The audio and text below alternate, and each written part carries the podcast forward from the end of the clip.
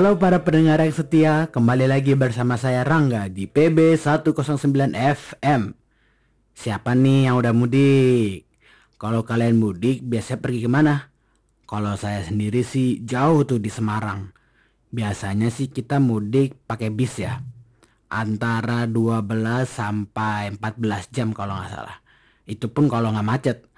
Nah kalau kalian mudik nih berapa lama nih perjalanannya?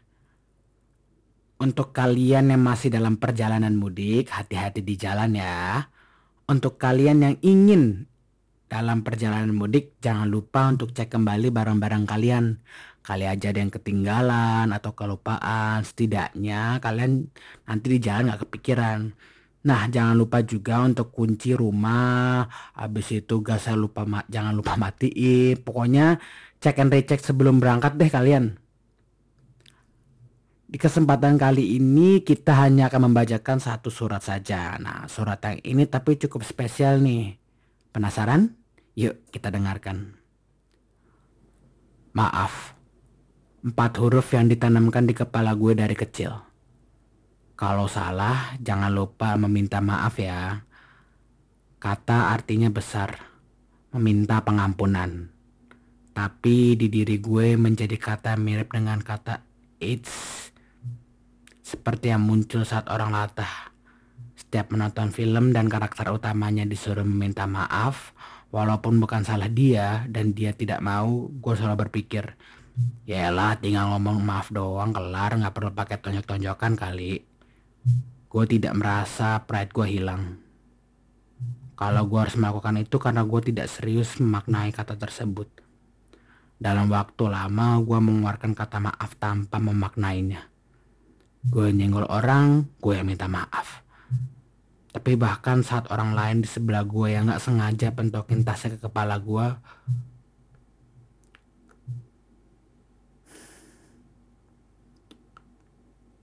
gue yang minta maaf. Sampai pada akhirnya gue sadar kalau maaf itu berarti besar. Baru gue bisa lebih serius memaknai maaf. Mungkin ini aneh tapi gue mau minta maaf sama kata maaf karena kurang menghargainya, terlalu mudah memaafkannya dan meminta maaf. Padahal hati berkata lain saat menyebutkannya. Maaf ya, maaf. Ya kita bisa lihat dari surat ini. Terima kasih suratnya. Ya terkadang kita lupa ya karena keseringan meminta maaf, karena sikap dan perilaku kita, kata-kata itu jadi seakan tak bermakna jadi maknanya lewat aja gitu. Kayak hmm, ya kayak angin lah. Ada dan tiada. Kita jadi merasa bahwa maaf itu bukan sesuatu yang perlu dibanggakan. Padahal padahal jika kita teliti dan kita pahami dan maknai rasanya maaf itu sangat berjuta maknanya. Karena gak semua orang mau minta maaf tidak semua orang mau memberikan pengampunan untuk orang lain seperti yang surat tadi dituliskan. Tapi bagaimana kita menjadi orang yang lebih besar dan meminta maaf kepada orang-orang yang mungkin telah kita sakiti atau telah menyakiti kita. Bukan karena kita sombong, bukan karena kita tidak tahu apa-apa, tapi lebih ke arah kita bisa membuat orang lain lebih nyaman dan kita pun juga jadi lebih nyaman. Eh tapi sering terjadi ya sekarang ya bagaimana kata itu terlewat begitu saja dan tidak sedikit yang kita melakukan itu. Maaf atau mungkin boleh, iya, tidak terlalu keseringan hingga kita tidak tahu makna sebenarnya dari kata maaf. Padahal ketika kata sesederhana itu bisa menjadi kompleks ketika maknanya atau tujuannya yang disampaikan itu punya punya hasil tertinggi gitu. Ya, susah sih, susah. Susah susah membiasakan kita meminta maaf dan susah juga kita kebiasaan meminta maaf ya. Berkata iya, berkata tidak, kebiasaan kita melakukan sesering itu. Tapi itulah pelajaran yang kita alami, pelajaran yang harus kita lewati untuk ke depannya supaya ya nggak apa-apa ngomong maaf. Tapi ketika kata maaf itu disebutkan, biarkan jadi maaf itu lebih bermakna.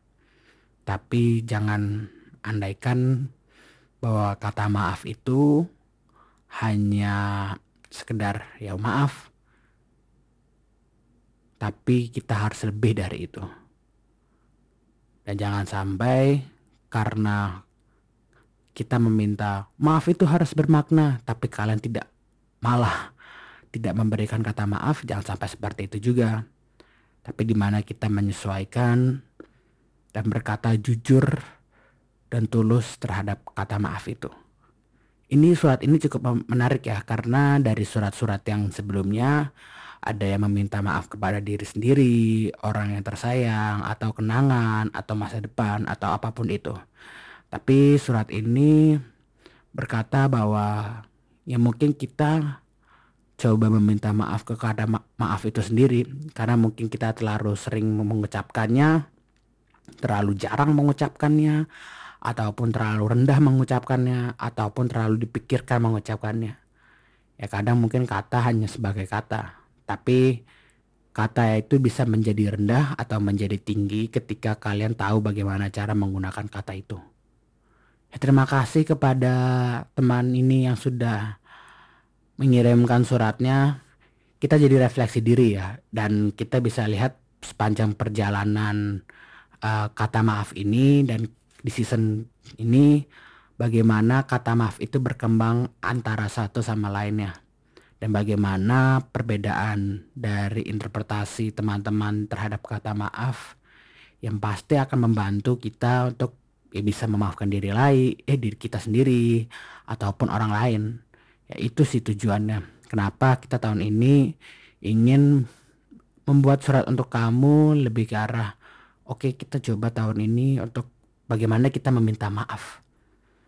Ya terkesan receh sih, terkesan mudah sih, tapi seperti yang tadi dijelaskan bahwa itu pun juga susah dan kompleks karena mungkin kita tidak terbiasa ataupun kita terlalu terbiasa untuk mengucapkan kata maaf. Dari dari kata maaf itu kita berkembang menjadi surat-surat yang luar biasa dari teman-teman. Terima kasih kepada teman-teman yang sudah mendengarkan surat untuk kamu dari awal hingga sekarang. Perjalanan kita sudah satu bulan penuh dan terima kasih kepada eh, teman-teman uh, yang mau mengirimkan suratnya dan mau berbicara dan bercerita tentang kehidupannya walaupun ya memang dari di antara mereka memilih untuk tidak menyebutkan namanya nggak apa-apa kami menghargai itu bahwa privasi dari kehidupan kalian adalah yang bisa kalian jaga pribadi dan kami di sini hanya menyampaikan bahwa surat itu telah tersampaikan dan semoga kepada teman-teman yang ditujukan untuk surat tersebut bisa mendengarkan uh, mendengarkan kata maafnya ya. Terima kasih juga kepada tim dari surat untuk kamu bagaimana kita ngejalanin ini selama satu bulan penuh.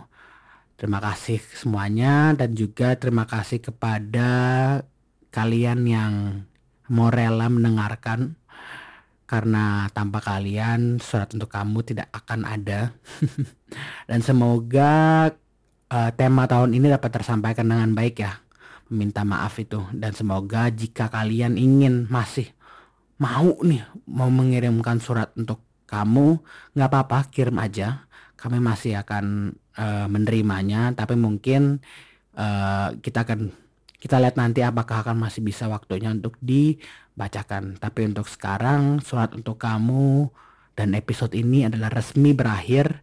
Terima kasih kepada teman-teman sekali lagi. Wah kebanyakan ngomong terima kasih ya. Intinya semoga surat ini dapat tersampaikan dan semoga kalian yang mendengarkan juga mendapatkan hidayah atau hikmah dari perbincangan kita. Ya, itu aja. Sampai jumpa di surat untuk kamu season selanjutnya. Terima kasih. Untuk kamu yang sedang gundah gulana, akan kami bacakan surat untukmu. Dinarasikan oleh Dana Wardana sebagai Rangga, disunting dan direkam oleh Ignatius Andito, diilustrasikan oleh Anastasia Joveta. Surat untuk kamu disponsori oleh Double D Studio Music and Sound dan Flipio Studio. Kredit oleh Pelampiasan Bakat.